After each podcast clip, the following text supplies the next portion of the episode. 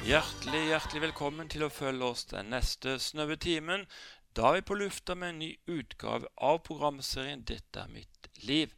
Mitt navn er Jørgen Reinersen, og jeg møter hver uke nye gjester som deler sine unike livshistorier. I dag, kjære lyttere, skal dere bli kjent med en kvinne med et stort hjerte for dem som sliter, nemlig Kristin Apeland. Velkommen som gjest i Dette mitt liv, Kristin. Tusen takk skal du ha. Nå befinner vi oss på forblåste Haugaland. Er det her du er født og oppvokst? Ja, jeg er oppvokst i Skudeneshavn. Du gikk på mindre enn tre-fire søndagsskoler. Ja. Jeg var så heldig med Når vi var små, så gikk vi på bedehuset i Skudeneshavn. Men mamma og pappa de lot oss gå på barnemøte og søndagsskole i alle menighetene i Skudeneshavn. Så det var jo så fantastisk å bli så glad i alle menighetene. Helt fra du var ei ung jente, så elska du å gå på bønnemøter. Hva var så spesielt med slike møter?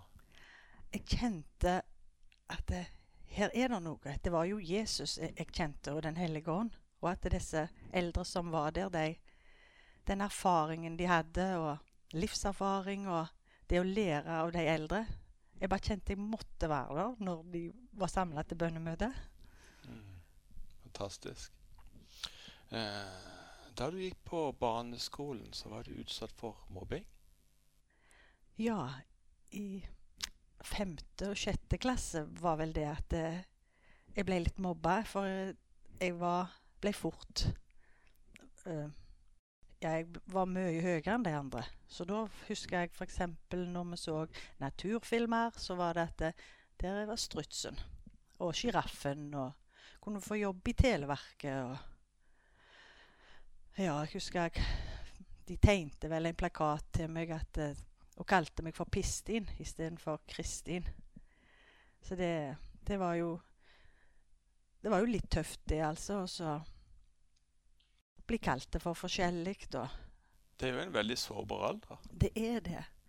Å skulle få juling på skoleveien og Jeg husker at eh, en gang så var jeg Det var egentlig ikke på skolen, men jeg var nede i sentrum. Så var det en som kom som skulle gi meg juling fra klassen. Så husker jeg jeg sprang bare inn i et hus. nede i, Jeg sprang og sprang egentlig, helt til jeg ikke klarte å springe mer. Så kom jeg Så sa jeg Jeg springer inn til bestemor mi, sa jeg. Men det var ikke sant, da, for hun bodde ikke der. Men han kom etter meg inn til hun da, inn i gangen, og så slo meg i magen så jeg brakk ribbebein. Så det var, det var, litt tøft. Men mamma og pappa de støtta meg alltid. Og dette med høyde De sa det er sikkert for de har lyst til å være høye, sa de. Og det trodde jeg på. Og det, det er jo fint å være høy. Så, så, de var alltid så støttende og, mot meg. Mm. Så viktig, ja. Mm. Du var også drilljente i en årrekke. Ja. Det var så kjekt. Det var ja, fra jeg var seks år, det, så begynte jeg i drillen i Skudeneshavn. Og fikk være med som drilljente der, og alle flotte opplevelsene jeg hadde når vi var på turer med korpset, og det sosiale der, og opptredener og innsamlinger når vi skulle samle inn penger til 17. mai. Og, eller 17. mai var jo innsamlingsdag. Og ja, nei, det var ei kjekk tid. Mm. Var du mye engasjert ellers i ungdommen? Ja, jeg var vel veldig sjelden i ro når jeg var både liten og når jeg var ungdom. Jeg var med på alt som kunne være med på, tror jeg. Og av aktiviteter så var det tørn og fotball, og, og på, på, bedehuset så var det yngres og kor, og i styrer og ungdomsarbeid og etter hvert. og passet på unger og satt inne og satt inne for andre sine unger og passet på alle ungene jeg kunne passe på. Herlig. Eh, du har meddelt meg at uh, du som ei ung jente Da fikk du ditt aller første bønnesvar. Du må fortelle. Ja. Jeg husker jeg hadde ønsket meg et sånt armbånd med charms på, sånne ting som hang rundt på armbåndet. Så fikk jeg det. Og så en kveld så fant jeg ikke det. Så tenkte jeg jeg må jo spørre Jesus hvor det er. For Jesus bor jo i hjertet mitt, og han ser jo hvor det er. Jeg hadde egentlig lett da, så kom jeg på jeg må spørre han. Så sa jeg, når jeg hadde lagt meg i senga, jeg ser det føre meg så klart hva vei jeg lå i senga, rommet mitt, hvordan det var der, så sier jeg, kjære Jesus, kan du si til meg hvor armbåndet mitt som jeg har fått, som jeg er så glad i, hvor er det henne? Så var det akkurat som en tanke som kom. Så sa han, inn i skapet, inni treningsjakka, i den og den hylla. Og jeg opp av senga og lette i skapet og åpna glidelåsen i treningsjakka. Der lå armbåndet. Så jeg følte veldig tidlig at det, Jesus er en levende person der som vi kan snakke med om helt enkle ting. Jeg har egentlig alltid vært sånn at jeg snakker med han om alt. Og jeg føler han kan svare på alt. Han har tid. Han er våken og er oppe og Ja. For en flott erfaring å ta med seg videre. Eh, Kristin, du hadde veldig tidlig i livet også en brann eh, for Jesus. Du ønska at andre skulle få del i det samme som du hadde fått del i. Ja, jeg husker i ungdomsforeningen så hadde vi bønnemøter før ungdomsmøtet begynte. Og så var vi ute på gaten og evangeliserte. Og vi hadde en sånn en, en sjappe som kaltes for Jali i den tida. Der, der mange av ungdommene i Skudeneshavn satt. Og vi var innom der og inviterte med til ungdomsmøte. Og de vi traff ute. Og bare kjente alle må få lov å høre om Jesus. Så, så det har ligget på hjertet mitt fra jeg var liten. det at vi må fortelle alle om Jesus. Så reiste du ganske tidlig vel også i livet da, for å reise til Oslo til å, å, å studere? Ja, da reiste jeg til Oslo på menighetssøsterhjemmet og tok sykepleien der. Og det var tre flotte år jeg hadde der. Fikk nye venner, venner for livet på menighetssøsterhjemmet, som vi har treff ennå. Møtes. Og der fikk jeg være med i SIFA, Misjonssalen sitt ungdomskor i Oslo. Og der òg var vi sånn ute og evangeliserte og rundt på i, i hjemmene, på studenthyblene eh, våre. Så ja, jeg brant for å fortelle andre om Jesus. Mm. Vi snakker om tidlig i livet hele tida her. Og nå, eh, du var ganske ung også når du traff mannen i ditt liv? Ja, og han blir jeg bare gladere og gladere i. Det er han Svein Olav. Og vi har vært gifte lenge. Ja. ja og han traff jeg når jeg var 13 år, og han 16. Og han kom i konfirmasjonen min. Så det var Ja, det var Han er glad i, og det er en snill mann og god mann. Mm. Og dere havner etter hvert da tilbake i idylliske Skudeneshavn på Karmøy. Ja. Han bygde hus han da i Skudeneshavn mens jeg gikk på sykepleien. Jeg husker at jeg, jeg, jeg tenkte Svein Olav, kan ikke du få en hybel du i Oslo da når du kommer hjem? Han jobber i Nordsjøen. Kan ikke du få en hybel som du bor i når du har fri? Så sier han nei, Kristin, jeg skal bygge hus til seg. Og jeg syns jo ikke det var så kjekt at han sa sånn. Han, men han var klok. Han skulle ordne et hjem til oss han mens jeg var der og tok sykepleien. Og barn har dere fått? Vi har fått to jenter. Ei jente fikk vi først. Det heter Line Sofie. Hun er 28 år. Og så har vi fått Julie, som er 25 år.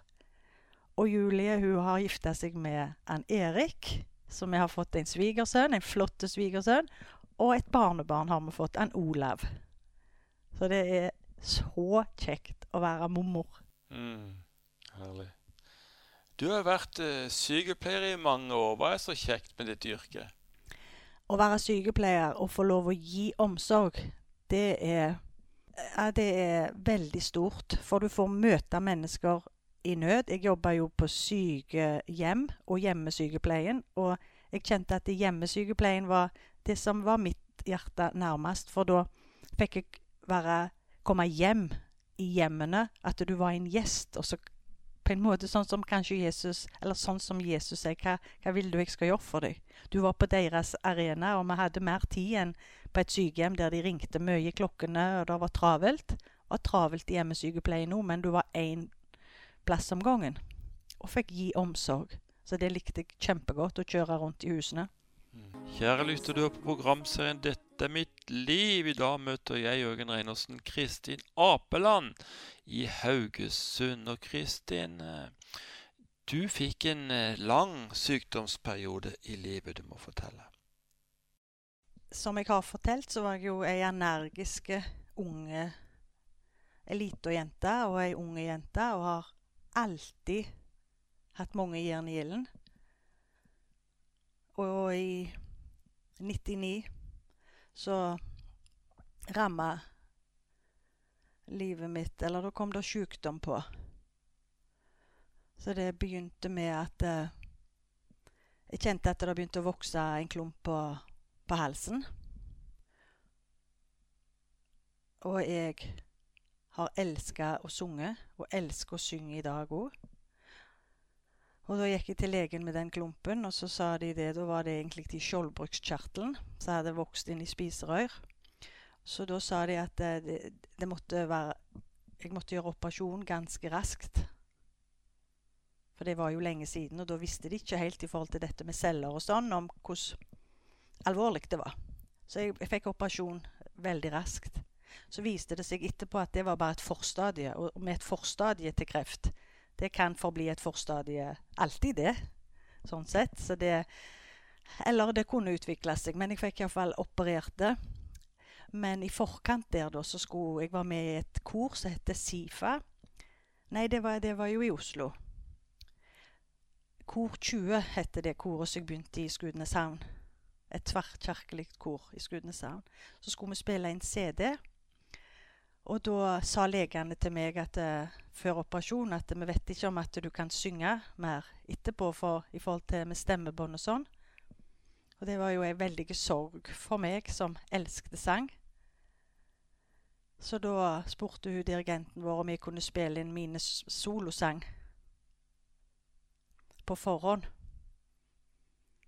Og den sangen som jeg sang inn der, det var Og det passet jo egentlig så godt å få lov å ta det opptaket før operasjon. For det var sangene sånn som dette. Gjennom mine tårer ser jeg deg. Du sier kom til meg. La meg ta din byrde av, mitt barn. Jeg kommer til deg nå. Jeg gir deg min smerte, far.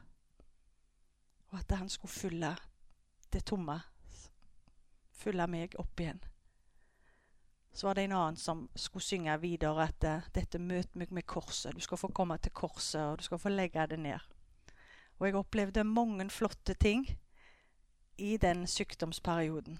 Og det står jo i Bibelen det at uh, 'jeg vil gi deg skatter skjult i mørket, gjemt på hemmelige steder', sånn at du skal vite at jeg er Gud. Og de tingene som skjedde for meg i sykdomsperioden, de blir større og større nå når jeg snakker om de, og etter en er kommet ut av det. For jeg trodde ikke at jeg kom ut av det når jeg hadde fått beskjed av legen at det, eh, de ikke visste at det var kreft da, og visste ikke hvordan det skulle gå.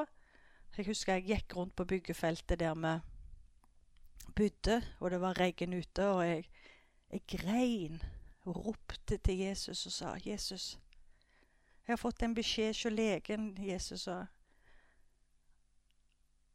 og så når en får en sånn en beskjed at det kan være sånn, og det kan være sånn, og vi vet ikke hvordan det går, så det kan være veldig lett med en gang at en tenker 'Å ja, det var alvorlig'. Da, det kan kanskje lett gå gale.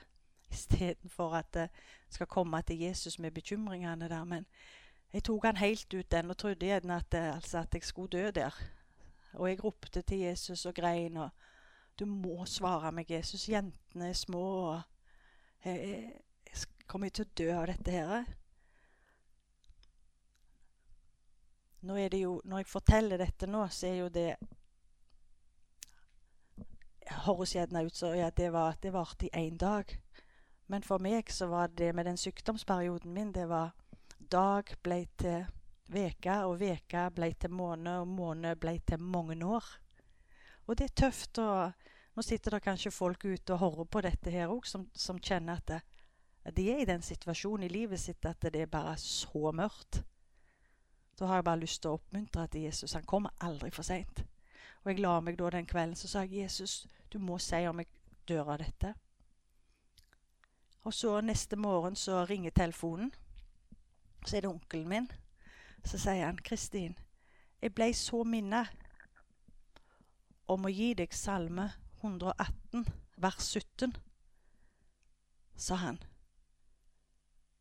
Og så får jeg blomster på døra.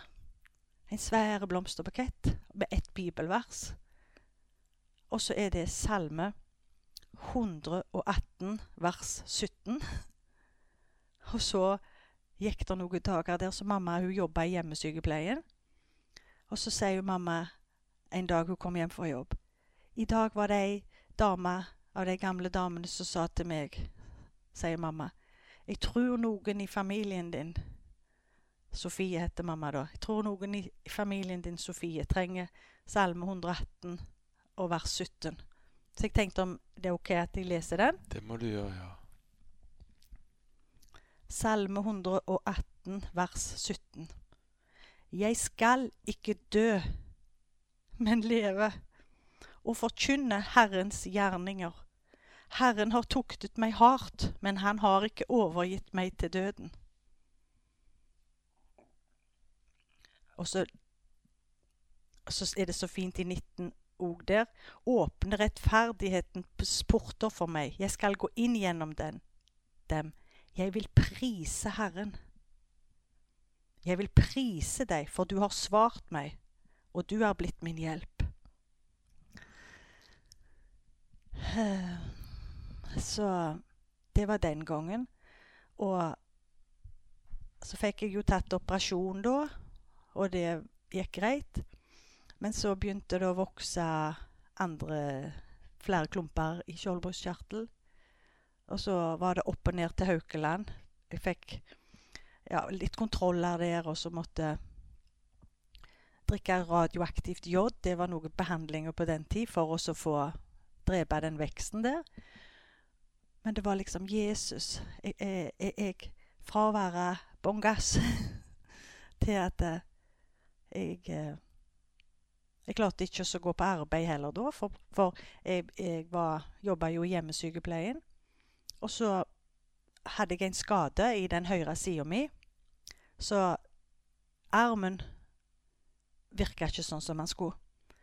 Og da gikk jeg i ett år. Det som var problemet med armen, fant jeg ut etter ett år, det var at jeg hadde hatt et brudd. Så hadde bruddet vokst over hovedpulsåra, så det var ikke sirkulasjon. Så tenker jeg hvis det sitter folk ute med smerter. Så vil jeg bare si at jeg vet hvordan det er. Og Jesus kom aldri for seint. For det, det, er så lett å si ja, men vi kan be, og så svarer Jesus. Men det er ikke alltid at han svarer samme dag. Og gjerne ikke neste morgen.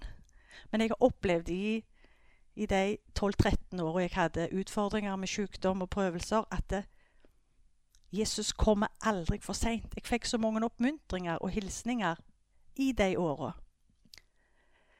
Eh, og en gang så husker jeg at jeg var inne på soverommet og ropte til Gud. Jeg verka så Det heter nervesmerter. Det var sånn sirkulasjonssmerter. Og det er det ikke tabletter som kan ta. Så jeg husker jeg sa til pappa Pappa, jeg, jeg hadde ikke lyst til å ta livet mitt, men jeg sa pappa, 'Jesus må komme og hente meg, pappa', sa jeg, for jeg klarer ikke å verke sånn. Jeg klarer ikke å ha sånn fysisk smerte. Så var jeg på soverommet og ropte en, en, en dag. Så setter jeg meg ned på, forbi senga, på kne, med armene opp i senga. Så når jeg kikker opp, så sitter Jesus der. Og så kan gjerne folk tenke at eh, Folk kan tenke akkurat det de vil, egentlig. For det var en sånn hellig øyeblikk for meg.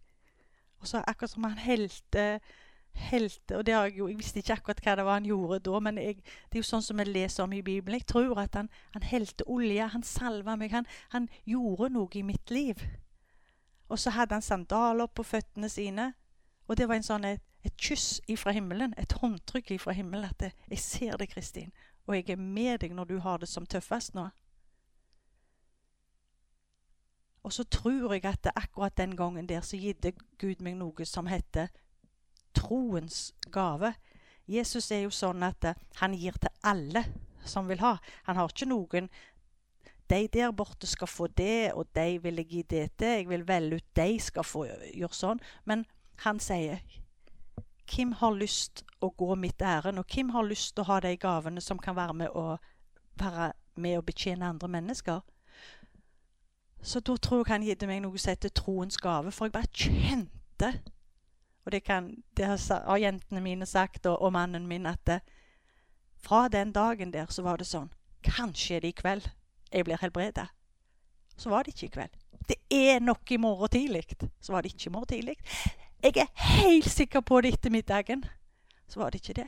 Men det var liksom Da var det som jeg sa i sted Dag, uke etter uke etter uke, etter måned etter måned med smerte og tøft. År. Men jeg visste. Jeg visste Jesus kommer til å helbrede meg. Jeg kommer til å få bli friske fra disse smertene. Hvordan skjedde helbredelsen, da? Uh, da fikk jeg jo, da fant jeg ut av det etter ett år med, den, med det med armen. Så da fikk jeg fiksa det. Uh, og dette med, med, det med kreftforstadiene der, det ble jo fiksa. Men så hadde jeg en sykdom som heter endometriose. Det er en sånn sykdom Eh, sånn som for kvinner når en har menstruasjon, vanlig menstruasjon, så er jo det sånn som det er. Men når du har endometriose, så blør du inni magen. Og det eh, limer seg fast. Så til slutt så følte jeg at jeg kunne ikke gå meste. Veldige smerte. Det var jo da Jeg fikk jo det når jeg begynte med menstruasjon. Sant? Når jeg var 13 år, så jeg har hatt veldig mye smerte eh, under menstruasjon og i midten av perioden. Og ingen doktor kunne hjelpe med det, for, for da på når jeg var 13 år, så visste ikke folk hva det var. Det vet en mye mer. Nå er jo jeg helsesøster, så en vet jo mye mer hva endometriose er i dag, og, og, og kan hjelpe med det. Men, men til slutt så, så, så kunne jeg eh, så å si ikke gå. Og mannen min han har bedt for meg og når vi har lagt oss, og, og morgenen og han har vært så trofast og bedt og stått med, og familien min. Og jeg har vært til forbønn og på bønnemøter. Eller ikke på bønnemøter, men når det er forbønn, så, så Jeg skal ikke si noe tall, jeg, men alle plasser jeg var på møter der det var forbønn, så var jeg der. Og jeg ble ikke friske men Gud ga meg noen ting. Han ga skatter i mørket. Han var med og bygde en karakter. Han var med å forme noen ting. Og jeg trodde jo da i den perioden òg at det kjentes som jeg har lyst til å gå inn i et skap og komme ut. Jeg visste ikke at jeg skulle komme ut når jeg er frisk. For det var så tøft. Du skulle være mamme, du skulle være kone, du skulle være, ha arbeid, du skulle være datter og søster. og all slags sånn. Sant? Og det var tøft når du går og verker. Men det som i forhold til den endometriosen var veldig stort for meg, ba jo i, siden jeg var jo ungdom da, da når jeg fikk menstruasjon, at jeg måtte bli frisk av dette her. Så var så vondt i magen så jeg ikke visste hva det var. Og så satt jeg en gang på møte på Troens Ord på Karmøy. De hadde en sånn konferanse i Karmøyhallen. Og jeg har som sagt dette med den troens gave. Jeg tenkte å Jesus, hva har du i kveld på møtet? Det er sånn forventning når talere er neder. eller jeg, jeg, har en sånn hunger etter at Jesus han, han svarte på det armbåndet den gangen. sant? At armbåndet ditt ligger i treningsjakka. Så jeg sier, Jesus, jeg har så tro på at jeg skal bli frisk og kunne gå igjen og, og bevege meg naturlig, Jesus. Og så satt jeg på det møtet, da. Og jeg visste ikke egentlig hvem, hvem som skulle tale. Og så, når han begynner å tale, så sier han det. Han hadde fått kall fra Gud til å bekjempe endometriose. Var, om det var fra USA eller Han kom til troens ord. Så viste han på storskjerm. Enten så gjorde Gud det, så viste han bilde av kollegaene sine i operasjonssalen og så med bilde av Jesus da, han hadde, om han hadde sett Jesus der, eller iallfall var det Enten så gjorde han, han legen det, eller så gjorde legen over alle leger det. Jeg jeg var jo så begeistra. Tenk å sitte på et møte på Karmøy, og så er det en lege som Gud har kalt til å bekjempe sykdommen endometriose. Så Etterpå gikk jeg fram til han, så, så da skulle jeg ha en operasjon på kvinneklinikken i Oslo. Hadde hatt en før, skulle ha en til. Så sa jeg på engelsk da, og så, hva syns du jeg skal gjøre? Så jeg skal jeg avlyse operasjonen, for jeg kunne jo mest ikke gå da, for da var ting så sammenvokst. Så sa han nå legger jeg hånda på magen din, eller vi ber der, og så ser vi hva Gud vil gjøre. Enten så opererer Gud, tar han og ordner det sjøl, eller så reiser du inn og gjør det.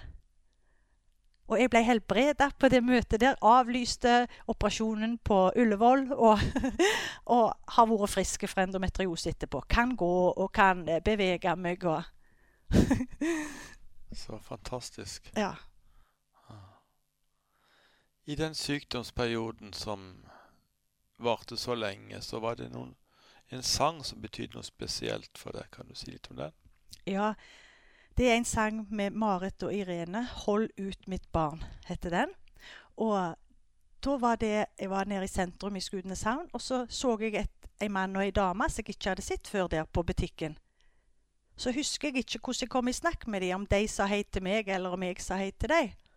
Iallfall så sa jeg til dem at vil dere være med på bønnemøte i kveld? sa jeg til dem. Og det ligger jo på mitt hjerte at det er det nye folk. Vi må jo få dem på bønnemøter og møter. Så sa de at det ville de. Så gikk vi på bønnemøte i lag den kvelden.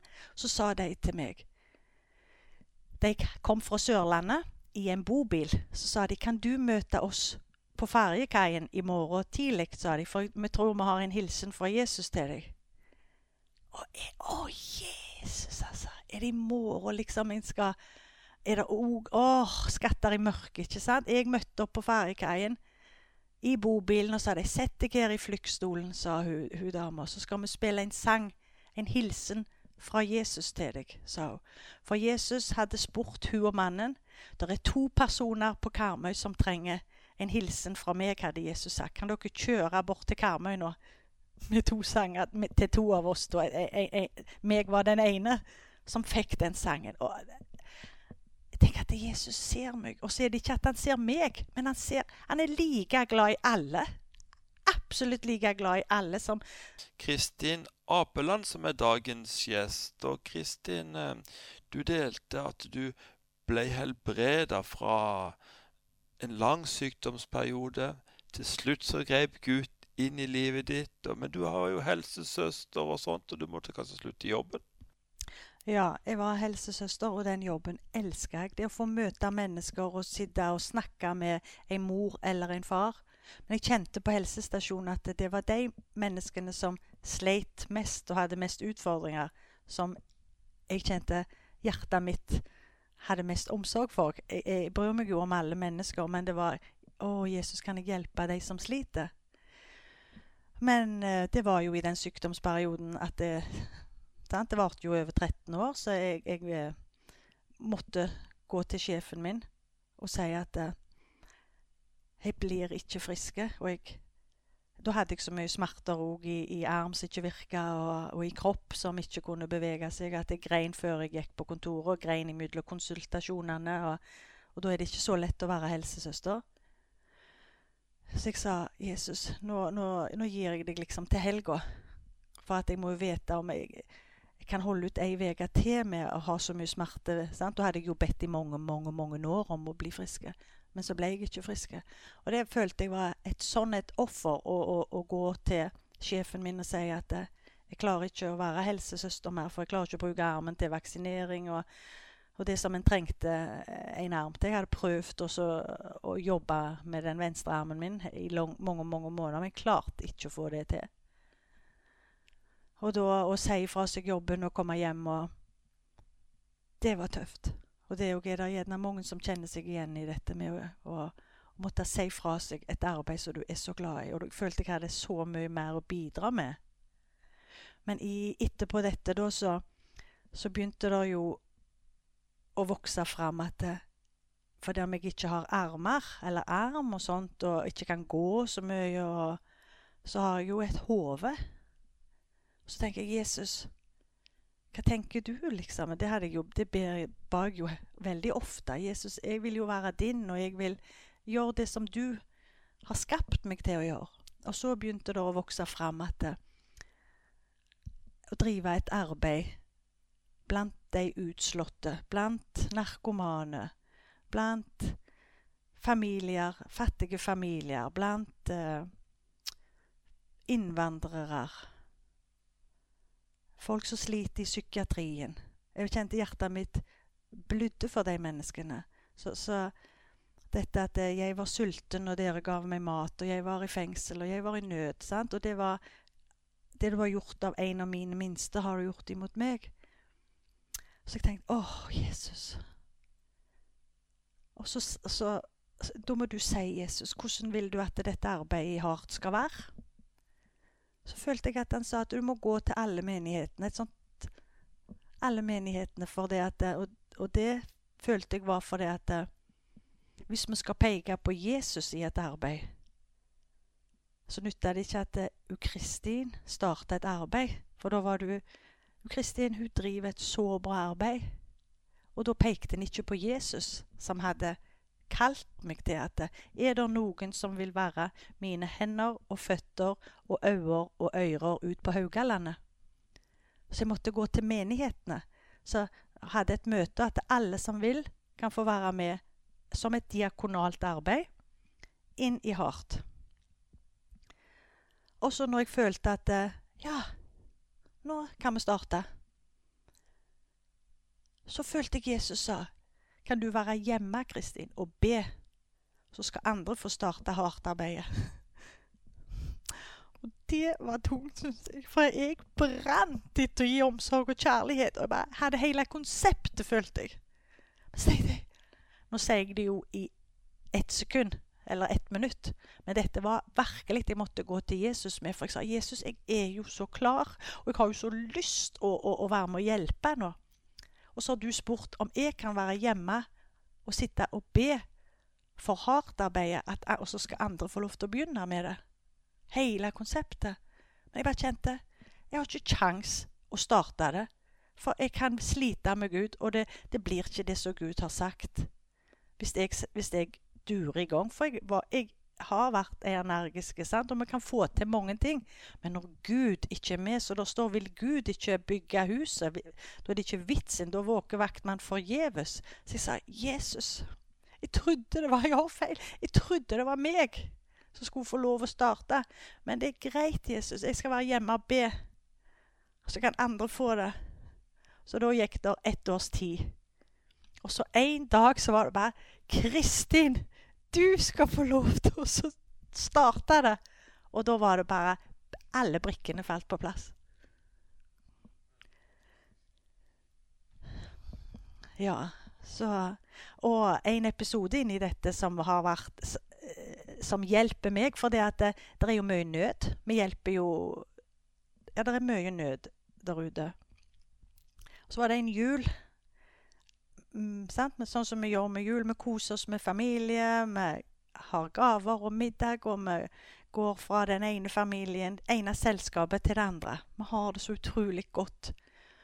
Og så bare kjente jeg en enorm byrde. Og, og, jeg var nede i kjelleren og ba, og, og jentene og Svein Olavs kom. Og 'Du må komme opp og være med oss, det er jo jul', liksom. Så jeg, jeg kan ikke klare det. Hjertet mitt blør. Så i det huset er det tøft, i det huset er det tøft. De har det vanskelig, de har det tøft. Alle på Vi starta en matutdeling og en kafé. Alle menneskene som kommer på matutdelinga vår Jeg kan ikke gå fra bord til bord jeg, mens gjengen min ikke har det greit. Så, og jeg ba Jesus jeg kan, ikke, jeg kan ikke holde på med harten. harten jeg, det, jeg, det, jeg kan ikke. Du må si noe, Jesus, for dette Jeg kan ikke bære hele harten sånt.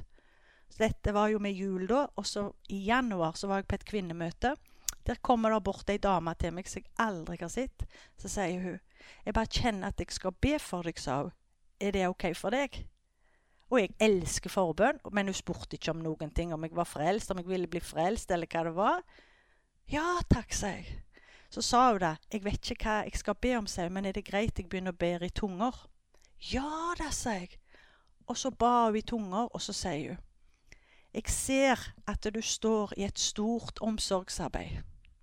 Og, og Jesus sier det er ikke du som skal gjøre det, Kristin. Du skal bare gi klem og smil. Og så er det jeg som skal gjøre resten. Jeg ble så løst etterpå det. Det har vært så lett. For nå bare kjenner jeg Bare jeg får knip deg når vi skal gå fra hverandre på kafeen, sier Kan jeg bare klemme deg? For det har Jesus sagt til meg. Kan du klemme og gi et smil? Så skulle Jesus gjøre resten. Da tenker jeg på dette. To fisker og fem små brød. Så ble mat til mer enn 5000 menn. Så jeg ble så løst da fra det at Ja. At det, er, min oppgave er å gi smil og klem. Mm. Helt nydelig. Eh, du har jo fortalt en del eh, av deres virksomhet. Men hvor mange frivillige er det i Hartarbeidet? Mm. Det er sikkert 80 iallfall. Vi har fire grupper på den kafeen. Så vi deler det en hver sin tirsdag. Fire grupper, og der er det tolv mann på dem, ganger fire.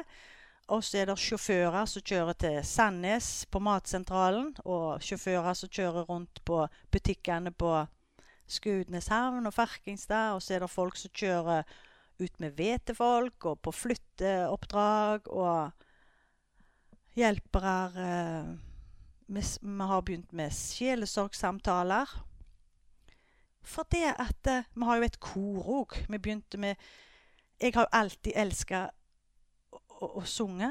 Og etter da at uh, legen sa til meg To operasjoner hadde jeg der i halsen. Og han sa hver gang de to da Vi vet ikke om du noen gang kan synge mer. Så det er jo så stort for meg å få lov å være med og synge nå. Og etter operasjoner og sånt, så, så, begynte jeg jo å synge igjen. Så var det jo alltid noen som hadde lyst til å være med meg, eller jeg hadde fått en ny venn. Så tenkte jeg de må jo få være med og synge. Så når Kristin skulle synge, så var det alltid noen venner som var med. Så tenkte jeg, eller det var Jesus som tenkte, for jeg er ikke noe dirigent eller kordame. Men så tenker jeg, vet du hva, det handler ikke om hva jeg er. Så vi tuller litt med det i koret, for nå klarer jeg å dirigere sånn med begge hendene. Sånt. Og i begynnelsen klarte jeg bare litt med ei hånd, sånn, for jeg visste ikke hvordan det var. Men så sa start et kor. Ja, greit, Jesus. Så nå er vi vel 80 mann i det koret. Og etter hva, det er så fantastisk. Så var vi og sang da med det koret. Så var det ei dame Jeg satt på første benk med en gjeng av perler der. Vi kaller gjengen vår for perler og diamanter. Skatter. Så rett bak meg på andre benk da satt der ei dame. Så sa hun til meg 'Kan jeg be for deg', sa hun. Ja, sa jeg. Det kan du. Og så begynte hun å be, og så ba hun masse i tunger. Og så etterpå så begynte hun å be det som hun hadde bedt i tungene, da. Og det stemte så. Denne dama hadde jeg aldri sett, og jeg kjente henne ikke. Men jeg fikk tiltro til henne siden hun sa så mange ting som stemte i mitt liv. Og så sa hun til slutt Så nå, sa hun, har Gud starta en helbredelsesprosess på innsida di. Jeg bare høflig bare sa OK, takk skal du ha for det. Og jeg kom hjem, og jeg sett på badet den kvelden i speilen, så sa jeg 'Jesus', sa jeg. Jeg visste ikke jeg hadde et eneste sår på innsida. Du er jo min pappa, min far i himmelen. Kunne ikke du sagt at jeg hadde noe sår som trengte hjelp? Bearbeides sjøl, der, liksom. Jeg ble liksom mest sånn. det var det. Ei fremmede dame skulle si det til meg. Og så visste jeg om ei annen dame som har fortalt vitnesbyrdet sitt, at før hun begynte å hjelpe andre mennesker, så måtte Gud gjøre en prosess i hennes liv. Så sa jeg til Jesus Sto og pustet tennene der. Så sa jeg OK, Jesus. Hvis jeg har noe sår innsida, på innsida som må ha hjelp av deg for å bli hele, at jeg må ha hjelp, sett lyskasteren på da, Jesus. og det som skjedde da, da Dette var i, i september, og jeg grein fra september til januar alle veier. Ute jeg kjørte på butikken, måtte bare skynde meg ut. Ikke hylgrein, men tårene rant og rant og rant og rant. Også oktober det året var jeg på en kvinnekonferanse på eh, Kvinner i nettverk. Og så Da var det forbønn der, og der sto det jo kvinner to og to da, i hele salen. Så sa jeg kjære Jesus, nå må du sende meg til ei skikkelig ei god eh, bestemor med masse erfaring og omsorg. Jeg må få ei sånn ei forbeder. Det var to og to damer. Og så var det min tur i køen, da. Så sendte de meg til noen som var jeg vet ikke jeg, Var de 25 der, kanskje? To unge, flotte jenter. Og så Jesus, så sa jeg det til det var, Jeg syns ikke det var så kjekt, Jesus, når jeg har spurt om jeg kan få noen skikkelig modne kvinner. Så kom jeg til dem, så sa de nydelige jentene der Kan vi hjelpe deg med, med Eller hva kan vi hjelpe deg med? Og så var det jo så mye. For Jesus hadde jo vist meg mange ting i livet. De månedene der, da, sant? Eller da var det jo fra september til oktober. Så sa jeg bare Nei, bare be, sa jeg. Så ser vi hva Jesus sier. Så begynte hun å si Kan jeg be i tunger, sier hun. Så begynte hun å be i tunger, hun unga der. Og så, når hun skulle be på sånn som jeg forsto da, så ba hun rett inn i det Jesus hadde vist meg. Og det ble så sterkt. Og så Det var greit nok, det. Men så sa hun løsningen på det. sa hun. Og hun, hun kjente ikke meg, hun visste ingenting om meg. Men jeg har en far i himmelen som bryr seg om alt i mitt liv. Og det gjør han jo med, med oss alle. Så det var en veldig sterk åndelig opplevelse for meg å få en sånn bekreftelse på at de sa det som var utfordringen, som jeg kjente på, og Jesus hadde vist meg. Og så sa de løsningen, hvordan dette her skulle Og hvordan Jesus skulle gjøre for meg. At, og at han skulle, skulle bare få komme og sette meg på fanget så han skulle bare ta seg av dette her. Og de sa så mye flott. Så det er så sterkt å få lov å vandre med Jesus. Det du har delt nå, Kristin, det er nok veldig mange som kjenner seg igjen i dette her sånn. Og eh, nå syns jeg du skal få lov til å be for de av lytterne som kjenner på dette. Mm. Det har jeg lyst til, for eh, sånn som det står i Bibelen, at Jesus han vet jo om hvert et hårstrå som vi har på hodet. Og han ser alle. Vi kan kanskje tenke at vi Ja, men han ser ikke meg, eller han, han det, det, er ikke mulig at han kan vite om meg som, som er så fortvilt, eller sitter på en plass der som ingen kunne tro at noen kunne bo. Men Jesus, han, han vet, og han ser, og han har skapt deg. Så nå har jeg bare lyst til å be ei bønn.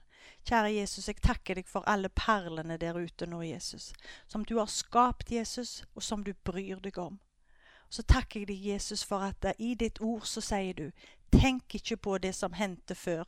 Akt ikke på det som var en gang var, men nå skaper jeg noe nytt. Takk for du har framtid og håp, Herre.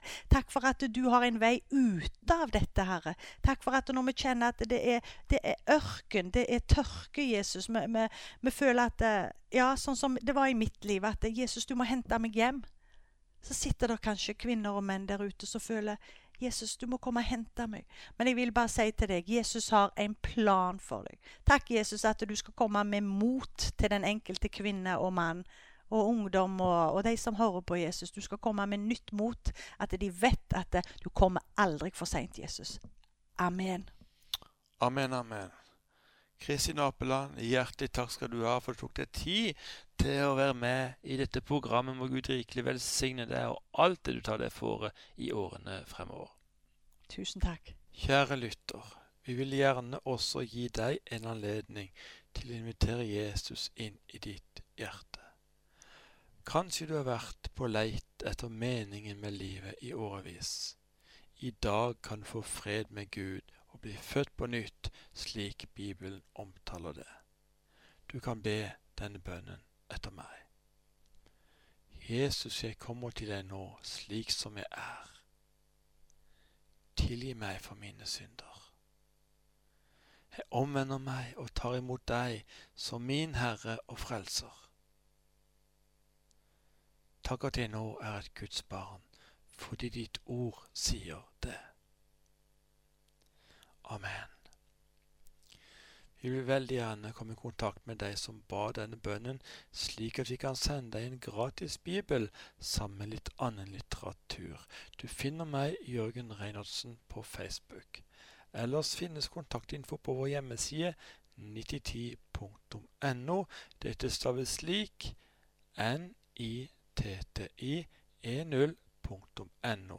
Her finnes også en rekke videoopptak fra våre arrangementer. Det er også en stor glede å kunne opplyse om at nå er denne serien tilgjengelig på podkast. Du kan bare søke opp 'Dette er mitt liv' på Spotify, Podbean eller der hvor du bruker å strømme podkast. Neste uke er jeg igjen på denne kanalen med en ny gjest som deler sin unike livshistorie. Inviter veldig gjerne noen på en kopp kaffe til den anledningen. Vi tror det kan bli mange gode og viktige samtaler i etterkant av disse programmene. Husk, kjære lytter, du er høyt elsket av Gud. Du er unik. Det finnes bare én som deg. Vi takker for i dag og ønsker deg det beste av alt Guds velsignelse.